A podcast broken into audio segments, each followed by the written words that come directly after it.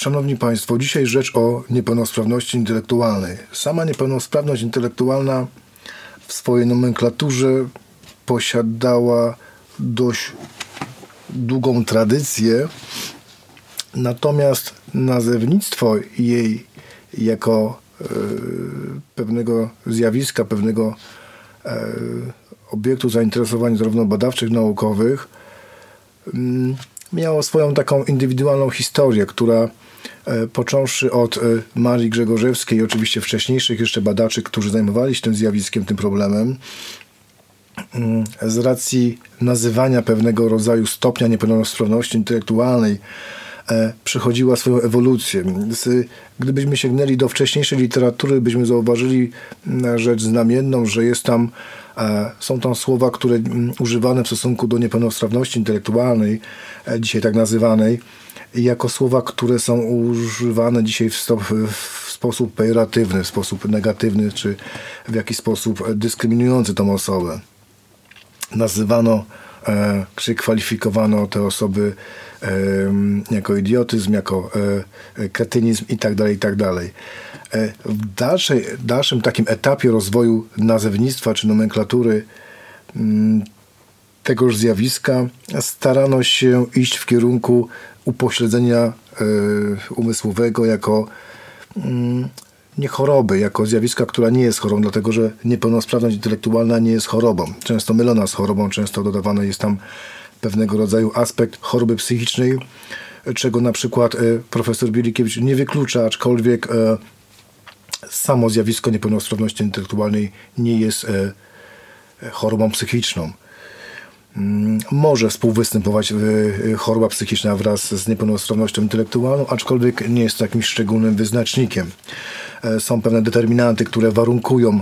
umożliwiają takowe zjawiska, natomiast nie jest to ostatecznym wynikiem tego stanu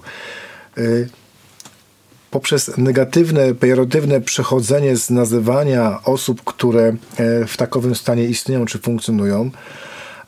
przeszliśmy do właśnie upośledzenia umysłowego, które również dzisiaj współcześnie w, w edukacji osób niepełnosprawnych intelektualnie jest e, rugowane lub jest to próba unikania tego typu nazywania z powodów też również pejoratywnych, czy w jakiś sposób dyskryminujących, czy nie do końca e, poprawnie e, odzwierciedlanych e, stanów tejże jednostki. Dzisiaj, drodzy Państwo, korzysta się przede wszystkim z nazewnictwa, jeżeli chodzi o um, ten fakt globalnego obniżenia sprawności intelektualnej. Skorzysta się przede wszystkim z nazwy niepełnosprawność intelektualna. Podejrzewam, że będziemy szli jeszcze bardziej w stronę takiego obniżenia tego wydźwięku pejoratywnego, który w jakiś sposób nie będzie mógł, w jakiś sposób będzie mógł raczej e, pokazywać e, te pozytywne aspekty funkcjonowania osób niepełnosprawnych intelektualnie. Szanowni Państwo, niepełnosprawność intelektualna nie jest chorobą psychiczną,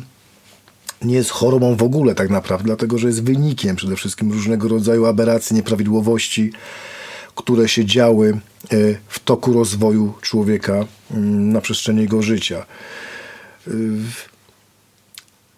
samo, nie, sama niepełnosprawność intelektualna jest globalnym obniżeniem sprawności umysłowej człowieka, czyli wszystkich e, również jego aspektów e, poznawczych, e, emocjonalnych, ruchowych, również społecznych,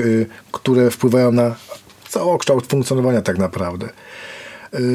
Jest wynikiem działania tych czynników, które zadziałały w różnych rodzajów, w różnych okresach rozwoju człowieka, w tych oczywiście prenatalnych, y, perinatalnych i poznatalnych. Najbardziej szkodliwym, najbardziej e, istotnym y, y, czasookresem, w którym ten czynnik zadziałał i który może rzeczywiście wpływać na najbardziej destrukcyjny sposób rozwoju tegoż y, człowieka, ośrodkowego układu nerwowego, to oczywiście jest ten y, okres y, prenatalny, a szczególnie ten pierwszy trymestr ciąży, w którym dochodzi do, jeśli zadziała takowy czynnik, oczywiście tych czynników jest bardzo wiele, są czynniki genetyczne, są czynniki hormonalne, są czynniki e, biologiczne, są choroby, e, są różnego rodzaju urazy, zatrucia i tak które wpływają w sposób e, aberracyjny na rozwój człowieka. Z tym, że właśnie ten pierwszy okres rozwoju, który się gdzieś pojawia w pierwszym trymestrze ciąży, jest najbardziej narażony na to zjawisko, które powoduje, że mm, te uszkodzenia będą najbardziej głęb bardzo głębokie, czy y, y, dość mocno wpływające na dysfunkcjonalność y, tegoż człowieka. Jeżeli chodzi o funkcjonowanie osób niepełnosprawnych intelektualnie, to oczywiście mamy podział, który jest już dawno przyjęty który y, wyznaczyła skala e, Wexlera, jeżeli chodzi o diagnozowanie poziomu inteligencji, aczkolwiek również tu bierze się, drodzy Państwo, pod uwagę e, e, stopień funkcjonowania społecznego i zdolność przystosowania się człowieka do, do warunków społecznych, do tych warunków, które później w jakiś sposób pozwalają mu na to, żeby on mógł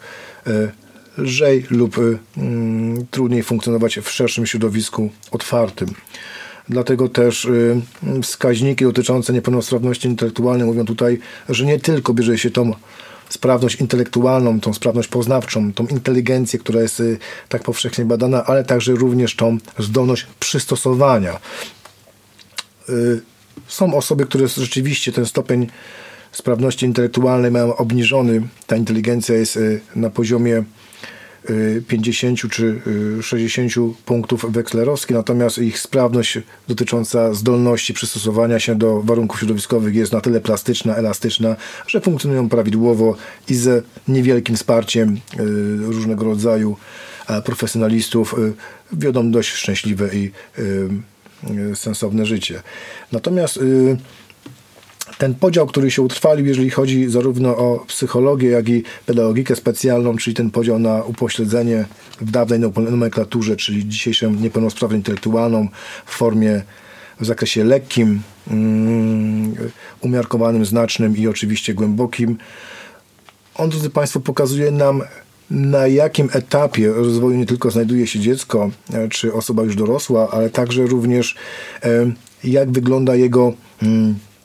stan poszczególnych procesów i zarówno poznawczych, emocjonalnych i procesów, które później warunkują funkcjonowanie społeczne. Oczywistością jest to, że im głębszy stopień niepełnosprawności intelektualnej, tym bardziej ta osoba wymaga wsparcia czy e, rehabilitacji, czy rewalidacji w zależności od indywidualnych potrzeb. E, posługując się oczywiście piagetowską koncepcją rozwoju inteligencji, moglibyśmy tutaj wskazać na pewnego rodzaju